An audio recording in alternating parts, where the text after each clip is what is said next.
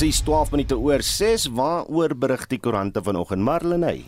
Plaasmoorde kry aandag op beeld se voorblad met die opskrif aanvalle op plase SAPD kom nie reg. Nou kenners het aan die koerant gesê daar is geen strategie teen die verskynsel nie en dat polisielede boonop onbevoeg is.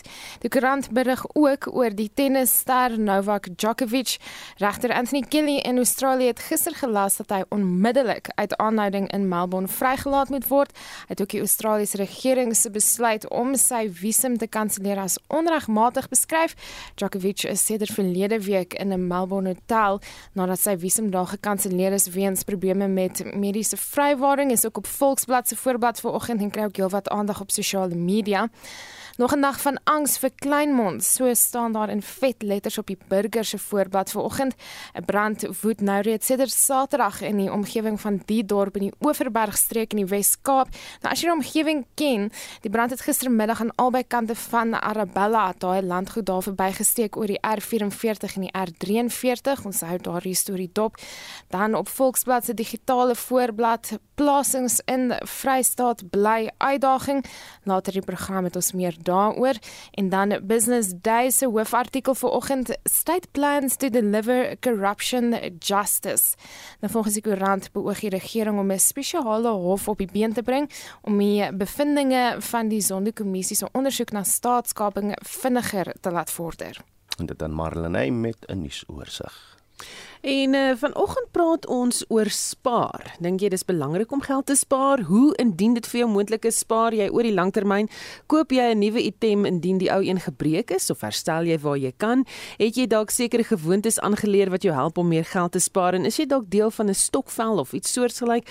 Deel jou idees en wenke oor hoe om te spaar met ons. Ons hoor graag van jou daaroor. Ek dink uh, ba baie mense gaan dit help vanoggend. Stuur 'n SMS na 45889 teen R1.50 per SMS of praat saam op ons Monitor en Spectrum Facebook bladsy of stuur 'n stemnota na 0765366961 dis 0765366961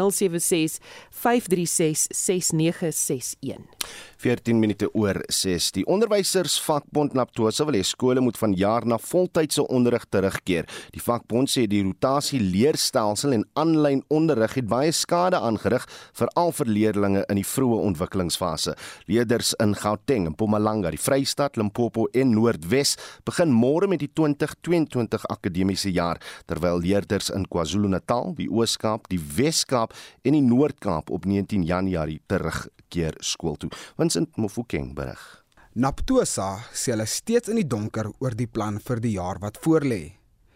Ten spyte hiervan sê die departement van basiese onderwys dat hulle gereed is vir die 2022 akademiese jaar. Elijah Mhlanga is die woordvoerder van die departement. Yes, we are ready. In fact, the state of readiness report was compiled and presented last year, already late last year. We believe that it's all systems go. I think what is of utmost importance for us is curriculum coverage. In 2021, the school reopening was postponed until February because of COVID cases. But this time, we believe that we'll be able to start in time and be able to cover the entire work that's in the curriculum schedule for this year. Logistics are in place, COVID essentials in terms of sanitizers and other things, all of that is in place. What is usually the challenge at this time is unplaced learners. Mhlanga sê ouers en voogde wat nie betyds plasing vir hul kinders verseker het nie, gaan sukkel wanneer die akademiese jaar van dese week afskop.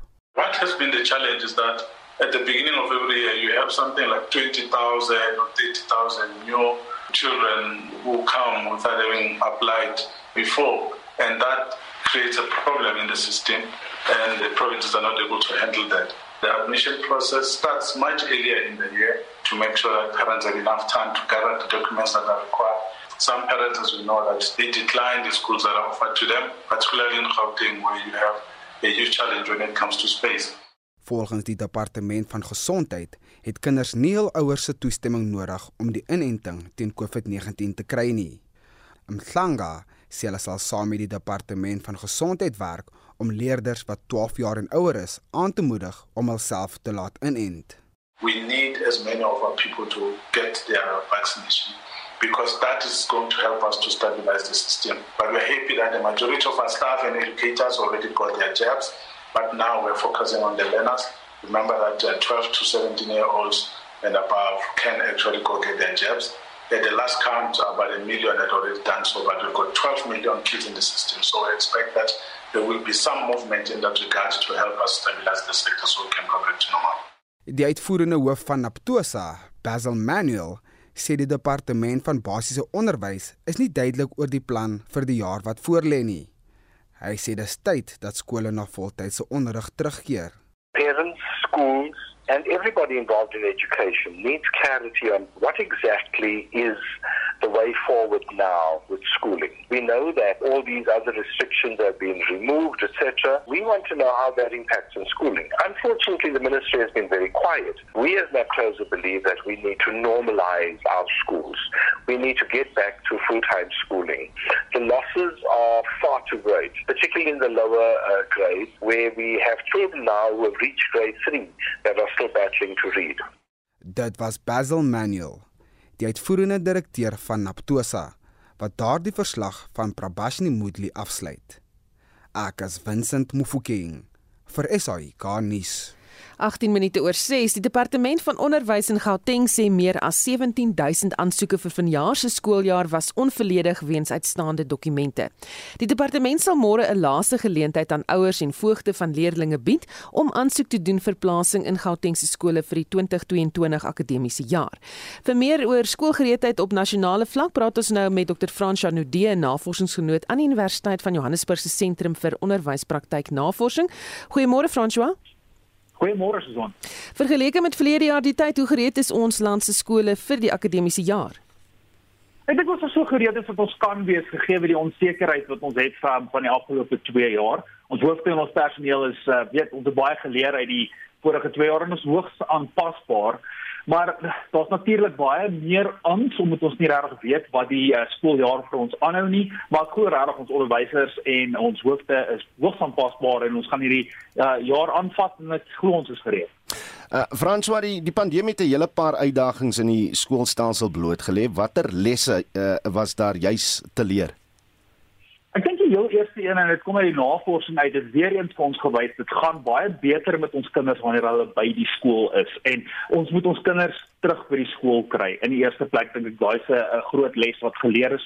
En dan tweedens, ek dink ons onderwysers het agtergekom dat dis gevaarlik as ons stagneer jy weet in ons vaardighede en in die laaste 2 jaar het ons gesien dat ons onderwysers baie vinnig moes leer om innoverende praktyke in die klaskamer toe te pas. En my hoop is dat ons onderwysers steeds sal aanhou, jy weet, om hierdie lewenslange leerders te wees en ons vinger op die pols te hou om um, seker te maak dat ons effektiewe leer in die klaskamer kan toepas.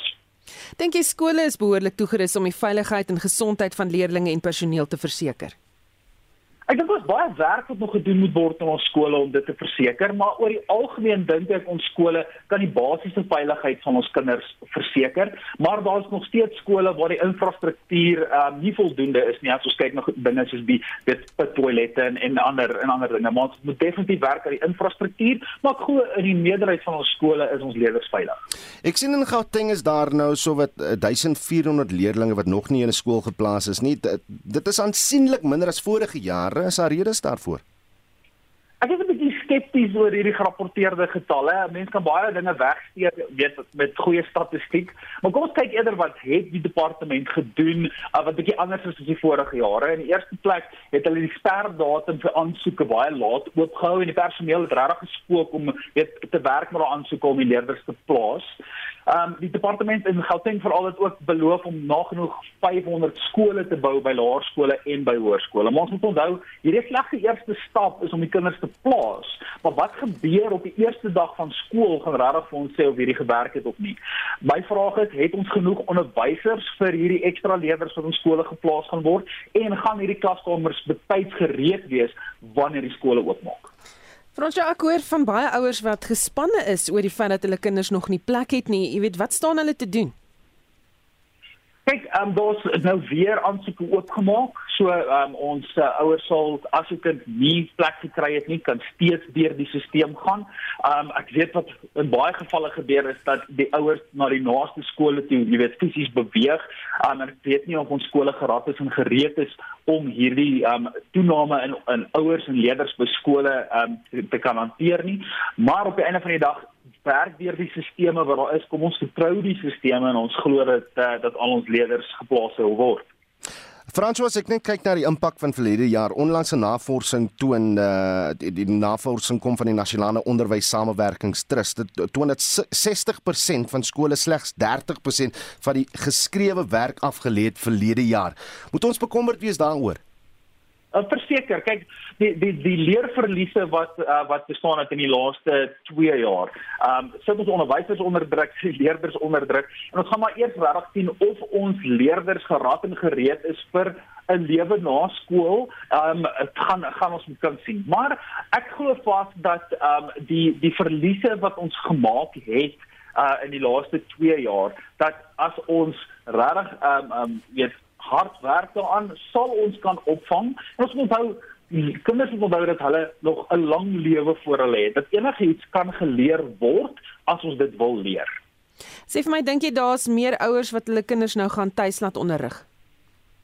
Daar's definitief 'n tendens dat meer leerders tuis geonderrig word maar ons moet onthou dat dit ook 'n baie selektiewe demografie is van mense wat kan bekostig om hulle leerders of hulle kinders by die huis te kan onderrig. As jy net daaraan dink, wie gaan na hierdie kinders kyk? Wie gee toesig na hierdie kinders by die huis? En in baie gevalle moet een van die ouers hulle voltydse werk opgee om hierdie te kan doen. So, die oorgrootste meerderheid van ons leerders sal steeds in die ek wil sê tradisionele skoolstelsel wees.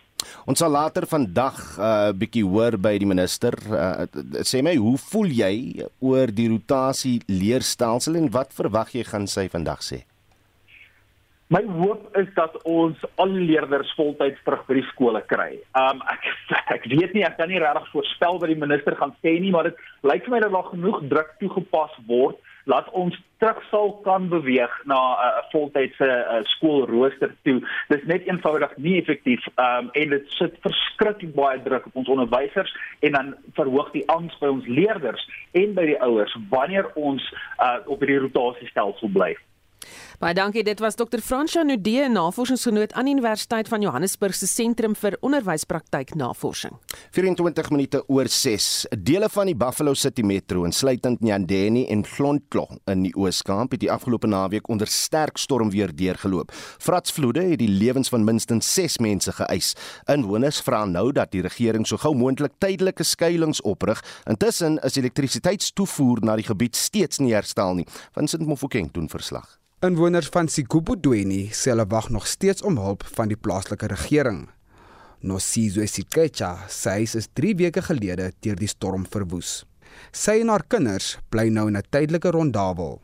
Die 72-jarige Tozama Songwaka het ook haar huis verloor. Sy sê die groot aantal grafte wat tydens die storm verwoes is, bekommer haar. Die woordvoerder van die OR Tambo munisipaliteit, Zimkita Macingwana, sê die munisipaliteit het ingegryp en werk saam met verskeie departemente om te verseker dat die nodige dienste gelewer word. Since this recent incident, we have intervened by giving out food parcels to the affected communities, giving temporary shelters to people who lost everything, including those who lost their loved ones during this disaster. We have also taken a report to council meeting so that a local state of disaster could be declared. We also tried to quantify the amount of damage, and at this stage, the amount is estimated at 82 million rand after the recent incident of the 9th of December. Die Oos-Kaapse premier, Oscar Mabuyane, sê die metro werk saam met ander staatsdepartemente en nie-regeringsorganisasies om die geaffekteerde gemeenskappe by te staan. Yes, well, in Mtata and other areas, not only in Mtata, a number of districts, your OR Tambo, Christiani, Alfred, Nzo, those areas have been hit by these storms since this uh, summer season. We are dealing with the backlog of disaster hit areas there from 2017. People are still without houses from 2017. We are attending to those. I've made a visit in the last couple of months in those areas. So we are working with all the district municipalities, we are working with the national government to find solutions. Die OR Tambo distriksmunisipaliteit het ook sy rampbestuurspan ontplooi om gemeenskappe te ondersteun. Motoriste word intussen aangeraai om nie paaie of brûe wat oorspoel het oor te steek nie. Die verslag is saamgestel deur Nomzwanele Mgoma in Mthatha. Akas Vincent Mufokeng vir SAI Garnis. Die humanitêre organisasie Gift of the Givers het intussen ingegryp om slagoffers van die vloede in die in Oos-London by te staan. Ons praat nou hieroor met Corin Conradie, die Oos-Kaapse koördineerder van Gift of the Givers. Goeiemôre Corin. Goeiemôre en goeiemôre aan al die luisteraars ook. Beskryf vir ons die situasie daar. Nou, voorheen het in verlede week um verwoesting veroorsaak in Mdantsane en Duncan Village. Natuurlik daar was geen weer waarskuwing uitgestuur nie. So niemand was voorberei vir die verwoesting nie. Die reën die uh, stroom was so hoog dat dit kophoogte bo die groot mense gewees het. Um 'n 18-jarige dame van Mdantsane is oorlede en baie mense se sinkhuise is weg weggespoel. Die mense wat geaffekteer is is so wat plus minus 300 mense en mense wie heeltemal alles verloor het is so oor die 100. Dit is hartverskeurende want baie van hierdie mense sit sonder werk. Uh een ma het aan ons span baie hartseer gevra. Hoe gaan jy bed toe in die aand met net die nodige wat jy nodig het? Um om te oorleef basies en jy staan op die volgende oggend en alles alles alles is weg. Waar begin jy op te tel? Hoe begin jy te herbou? En toe die 18-jarige se ma uit die hospitaal ontslaan was, was ons saam met haar by die plek waar sy haar dogter verloor het, maar ook waar sy haar hele huis, haar hele lewe verloor het. En met trane in haar oë het sy gevra, "Hoe gaan ek my dogter begrawe? Soos ek hier staan, het ek nie eens geld om 'n brood te koop nie." Corin, hoe hoe hoe hoe kan julle hierdie mense help? Watter hulp bied julle tans aan aan aan die mense daar? Ter soos julle weet, is gift us a givers um 'n ramp respons in rampe. So die onmiddellike nood natuurlik is matrasse, komberse, klere, uh, um toiletries, So dit is wat ons kos natuurlik. So ons span Saterdag was ons oorlaai met oproepe van alle oorde af en ons span was onmiddellik op die grond. So ons het vir ons het nou, tot dusver het ons al daardie items reeds nou al geversprei aan die geaffekteerde families, maar die lys is nog nie klaar nie. Meer en meer mense kom en, en vorentoe en sê oor dit is wat gebeur het want dit nie uh, die, die rampbestuur werksaam met die studiekiewers, maar hulle kon nog nie by almal uitkom nie. Hulle is nog steeds besig om die areas te sweep en kyk wie was geaffekteer. Hmm. Meeste mense is in ehm um, munisipale ehm um, shelters geplaas. So hierdie mense is geplaas daar met net die modderklere wat hulle aan hulle liggame gehad het die oomblik toe die ramp gebeur want meeste het geslaap toe dit gebeur het. So hierdie mense het niks klere nie. Gift to the Givers is ook besig om splinternuwe Woolworths klere te versprei aan die verskillende shelters. Baie dankie, dit was Corin Conradie, woordvoerder van die humanitêre organisasie Gift of the Givers. Marlenae ook van ons die SMS terugvoer dop Marlenae. Ja, ons praat vanoggend oor spaar. Dink jy is belangrik om geld te spaar? Hoe spaar jy oor die langtermyn? Ehm um, deel jou idees en wenke met ons. Dis wat ons wil weet by julle vanoggend. En ons begin sommer op Facebook. Franco James Swart skryf: "Met die lewenskoste wat so duur is en alles wat net opgaan en opgaan, is dit moeilik om te oorleef. Wat nog te sê van spaar?" En John Doe skryf: "Nee wat, alles is duur so elke sent wat ek kry, kom en gaan net so of dit nou op my is of op iets anders, daar's niks oor om te spaar nie. En Ora van Drogenbroek skryf: "Daar is nie sprake van geld wegsit nie. Ons leef uiters spaarsamig. Ons is reeds pensionaarsse. 'n Hele klompie mense wat daardie mening het vanoggend en dan is daar iemand wat skryf sy het uit 'n boek gelees, Johanna Vel en sy deel 'n bietjie raad vanoggend. Sy sê die een ding wat ek toegepas het was om 10% van my inkomste na aftrekkings in 'n spaarrekening te sit en te vergeet daarvan. Ek het ook begin begin om alle klein skooltjies af te betaal en te spaar vir wat ek wou koop, so ek betaal nie vir goed wat ek nie self kan koop nie. Ehm um, jy kan met ons 'n bietjie raad deel vir oggend, 'n bietjie wenke deel. Spaar jy, kan jy dit bekostig om te spaar? Kan 'n SMS stuur na 45889, dit gaan jou R1.50 kos. Kan saamgesels op Monitor en Spectrum se Facebookblad of jy kan 'n stemnota stuur na 076 536 6961. 076 536 6961. Presies 25 minute voor 7 en 'n brand in Kleinmond in die Oeverberg streek van die Wes-Kaap woed steeds. Teen gistermiddag was die R44 kuspad steeds gesluit vir verkeer. Vir die jongste brand ons nou met Melanie Sorti, die algemene bestuurder vir Working on Fire in die Wes-Kaap. Melanie, môre, welkom by Monitor. Hoe die brand se dit gister môre. Hoe hoe die brand se dit gisteraan versprei? Ehm um, ons het baie goeie sukses gehad gister uh met die met die wind wat 'n bietjie gekalmeer het. Ehm um, ons uh, ons span het baie goed gewerk. Ehm uh, maar die, spanne wat gedurende die dag skof op was, het basies vir die aand afgekom en ons het hulle replace met varspanne wat dan nou deur die deur die aand die res van die warm kolle basies gemonitor het en basies gedous het. Ehm um, dit is heidaglik die die vroegste en jongste nuus. Ehm um, ek weet ook dat die R44 was weer oopgemaak. So dit was baie baie goed geweest. Is daar enige ernstige beserings aangemeld of skade aangerig? Ons het geen skade en geen beserings uh ontvang nie. So en ons sal die situasie weer assess um later van vanoggend. En en hoeveel brandslaanders het julle in in die gebied, Melanie? Wel, working on fire het um, net gister alleenlik op die lyn het hulle 123 gehad.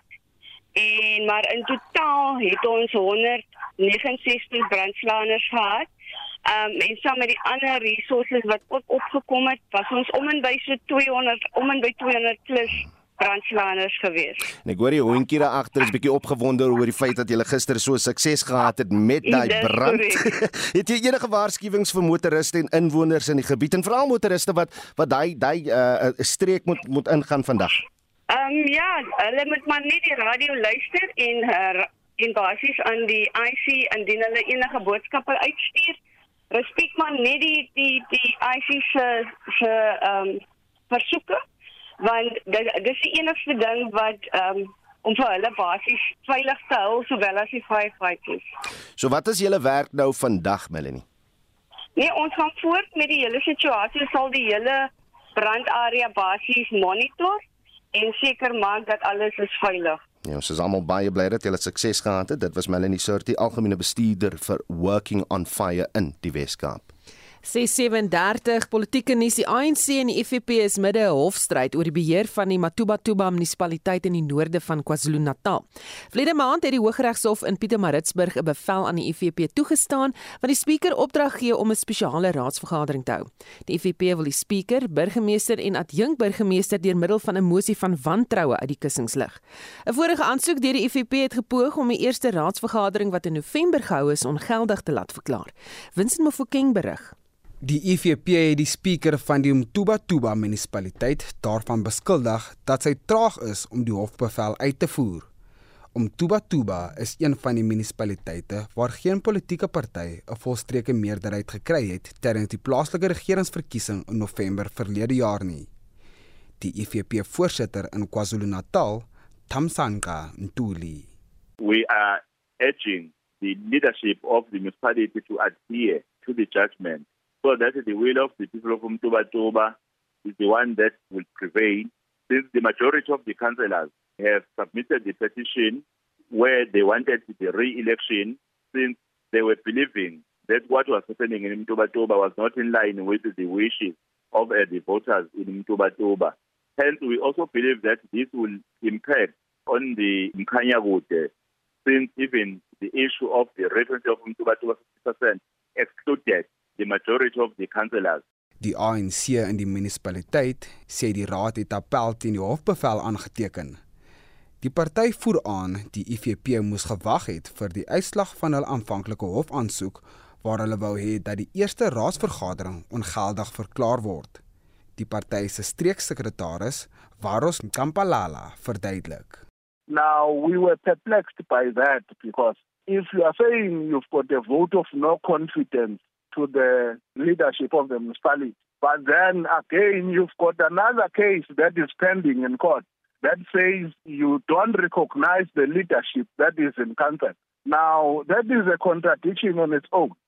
So there is an order that has been issued, and then uh, after studying that judgment and the court order, we then saw fit that we must appeal that because it contradicts the standing in terms of the first case. If there is a motion against the very same leadership, then why is that case, first case, still pending? With regards to the second case, our understanding that is that the appeal is in. Die Puo Ntuli, die spreker van die Mtuba Tuba munisipaliteit, wou nie kommentaar lewer nie.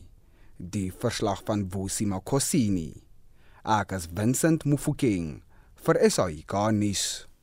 Inwoners van Kimberley sê korrupte amptenare is verantwoordelik vir swak dienslewering in die Noord-Kaap. Hulle meen die gebrek aan verantwoordbaarheid het veroorsaak dat die provinsie in duie stort. Mitsi van der Merwe berig.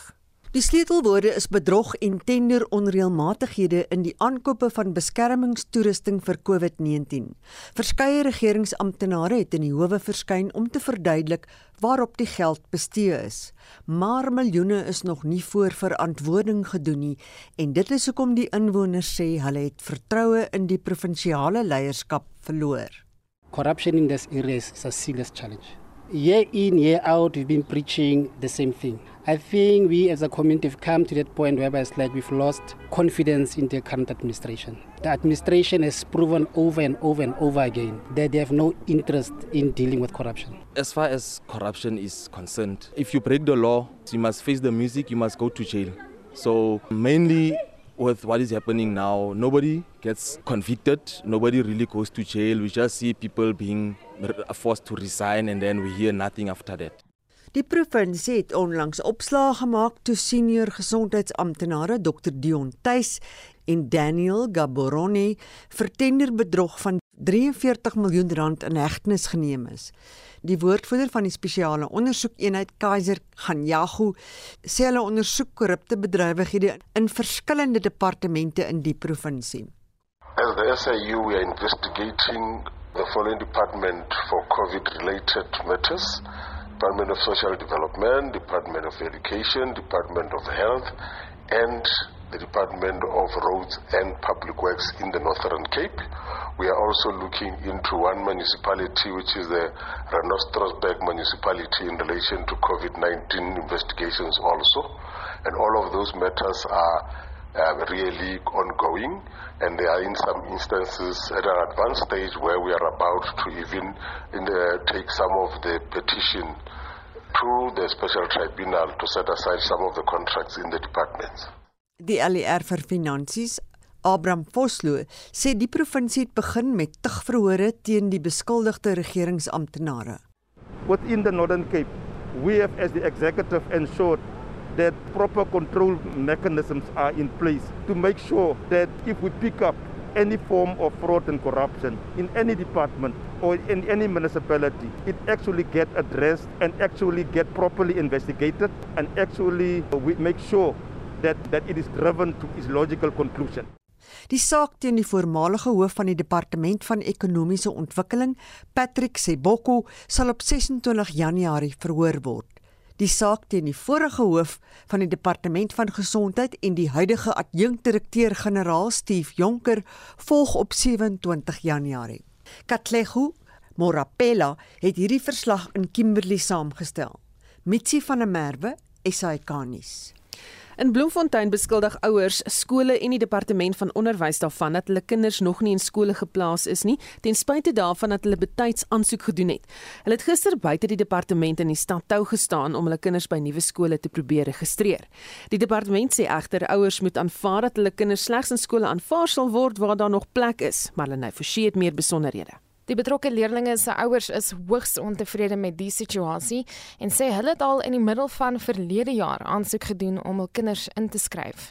We are still waiting for the kids to find the schools and now we're starting to be worried, asking ourselves where will our children find the school or what. I've been here since after 6 this morning. You fill in that form, after you fill in the form, you, they put it in a box. Is it guaranteed that your child will be accepted? Die provinsiale woordvoerder vir die departement, Howard Ndaba, sê hulle beskik oor die vermoë om die kwessie te ontlont. Hy vra ook vir ouers se samewerking.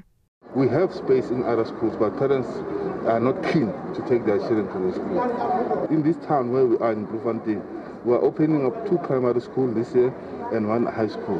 And we have space in various schools, but the issue here are parents who want certain schools, and if you give them alternative school, they are not willing. So I say, from where we are sitting, we have capacity. We are going to place parents, but they have to understand that we cannot place a learner a school which is full. Daba sê verder dat daar verskeie ouers is wat nog nie aansoek gedoen het om hulle kinders te registreer nie en wie om verskeie redes nou eers na vore tree. Die verslag deur Cornella Lekafola, Axmarlene Forsie vir SAK nuus. 15 minute voor 7. Die padverkeersoortredingsagentskap sê hy is op dreef om die nasionale aardtoewysigingswet in werking te stel. Een van die belangrikste kenmerke sal die punteverminderingsstelsel wees wat na verwagting op 1 Julie vanjaar in werking tree. Dit behels dat 'n bestuurder punte verloor met elke oortreding. Daar is egter partye wat die proses wil vertraag. Mitsie van der Merwe het meer besonderhede. Wanneer 'n bestuurder 15 oortredings begaan, word sy lisensie opgehef maar kritisie van die aardtoestelsel wil verhoed dat dit toegepas word. Hulle is ongelukkig oor vertragings in die appeltribunaal en die onlangse afdanking van die uitvoerende hoof van die RTIA, Jeff Chue. Die minister van vervoer, Fikile Mbalula, het die aardtoewysigingswet in Julie verlede jaar aangekondig. Die doel, sê hy, is om lewens te red en om padslagtings te verminder.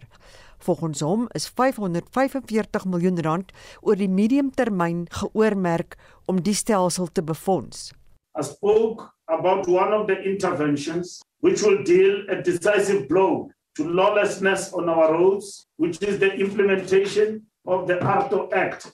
Die nasionale ARTO-stelsel sal in 4 fases uitgerol word.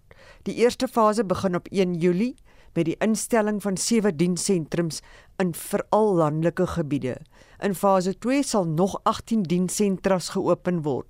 Die mikpunt is dat 67 plaaslike en metro munisipaliteite teen Desember vanjaar deel van die aardtoestelsel sal wees. Volgens die RTIA se woordvoerder Mondem Kalipi is daar reeds 2 dienssentrums in al 9 provinsies opgerig. We've been busy providing equipment in all those different municipalities. And also, secondly, the training of officers is also underway in all those municipalities. So there is quite a big progress that we have undertaken in, in those different municipalities. The major step now that we are busy working on is to make sure that ARTO is officially proclaimed to be rolled out in those different uh, municipalities. Dit blyk egter reeds of die RTIA nie op skedule is nie. 'n Onafhanklike appeltribunaal wat oortreders in staat stel om die RTIA se beslissings teen te staan, was ook veronderstel om reeds in werking te wees.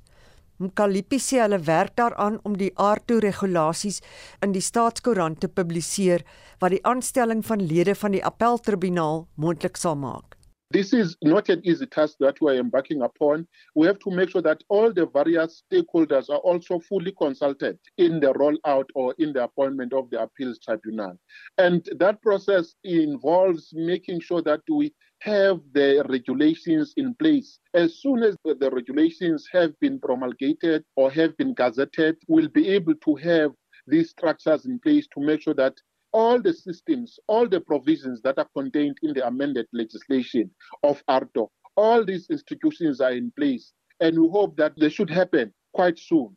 Die toewysingsproses waar volgens oortreders 50% afslag kan kry as hulle binne 32 dae betaal, moet volgens Mbalula se teikendatums ook al in werking gestel wees. Dit werk egter net in die Tshwane en Johannesburg gebiede waar die aardtoestelsel in 2008 reeds getoets is.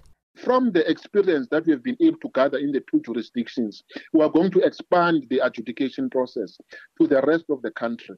Die organisasie om belastingvergrype te stop, OUTA, se woordvoerder Stefanie Fik, sê die toepassing van ARTO kan verder vertraag word. Except for the fact that they are not up to speed with what they said in terms of the rollout. To roll out the, the demerit points in July, so many things need to be in place. And you cannot roll out the demerit points if you do not have an appeal tribunal. Die outomobielvereniging, die AA, dring daarop aan dat die toepassing van ARTO deur die parlement gestop word sodat daar uitgevind kan word hoekom die uitvoerende hoof van RTIA, Jeff Chue, in die pad gesteek is. Luiten Beerd is die woordvoerder van die AA. We think it's very important that we understand exactly what those allegations were and why Mr. Chewy and those other officials were dismissed so that we can get a deeper understanding of how that impacts on Arto. Chewy is verlede Oktober afgedank na dissiplinêre verhoor oor beweerde wanbestuur. Die departement van vervoer het intussen vir Dalian Mabula as die waarnemende uitvoerende hoof van die RTIA aangestel. Chepu Pagani het hierdie verslag saamgestel. Mitsi van der Merwe, SAK nuus. Marlene. Ons wil hoor, dink jy dis belangrik om geld te spaar en hoe indien moontlik spaar jy oor die langtermyn? So as iets breek, koop jy 'n nuwe een, ehm um, herstel jy waar jy kan, het jy sekere gewoontes aangeleer wat jou help om meer geld te spaar of jy miskien deel van iets soos 'n stokvel. Ehm um, Johanna Solomon skryf op Facebook, ons is 16 vroue wat 'n spaarblikkie projek het. So elkeen gooi haar bedrag wat sy weet wat sy kan bekostig in hierdie blikkie en iemand word dan nou afgevaardig om dit te hou in 'n veilige plek. Einde van die jaar word die blikkie uitgedeel en selfs hulle maak vir hulle kinders ook blikkies. Daardie geldjies word dan so gebruik vir die ekstra goedjies oor die feesdae. Sy sê ook ons maak 'n taxi op en gaan elke jaar see toe met ons family. Ek het geleer in die lewe 'n waterdruppel is baie belangrik vir 'n muurtjie. So sterkte met die mense se spaarplanne. Sy het dit daar op Facebook gedeel as jy weer wil gaan kyk hoe hulle te werk gaan. Jolene Kiara skryf skryf ons ook op Facebook, jy kan nie spaar nie. Sy het 2 jaar laas 'n salarisverhoging gehad. Sy skryf die lewenskoste is nou vrek duur. Jy leef van die hand na die mond. Ingrid skryf vir ons op die SMS lyn behalwe kry die nuusware, kyk ek eers rond en koop in charity shops of 'n fabriekwinkel en dan is daar iemand wat sê belastingvrye spaarplanne red mens dikwels van geringe disasters in jou daaglikse lewe. Dit is iemand daar op ons SMS lyn vir ons geskryf het. Dan laat weet Laura, ek koop die beste, allerbeste produkte. Dan doen ek self my haar jare en ek spaar maandeliks honderde rande op hierdie manier. Ek hou al 20 jaar lank elke dag vakansie. Ehm um, of sy drink hou nie vakansie nie en ja, dit is wat sy daar vir ons laat weet en Rita skryf. Begin met 10 rand elke eerste week van die jaar wegsit as jy nou wil spaar. Die tweede week R20 en dan verhoog jy dit nou elke week met R10 en op daai manier spaar 'n mens baie. Maar Robbie skryf die bankkoste is te hoog, daar is nie meer rente nie. Spaar by die huis om nie bankkoste te betaal nie. Nog iemand wat skryf voordat jy koop, vra, het ek dit nodig? Kan ek kos sonder en as die antwoord beslis is, dan kan jy dit maar kry en as 'n pensionaris leef hierdie persoon nog steeds in sy huis na 47 jaar die anonieme luisteraar sê ons kan dit doen. So ons praat vanoggend, hoe spaar jy geld? Gebruik jy goederes? Herstel jy dit as jy dit klaar gebruik het? En uh deel met ons jou wenke oor hoe jy te werk gaan. Onthou 150 SMS 4589 kan ook vir ons 'n WhatsApp voice note stuur of jy kan saamgestel op ons Facebookblad. Maar Lenay Forsie baie dankie. Ons praat later weer bietjie saam nou eers 7 uur.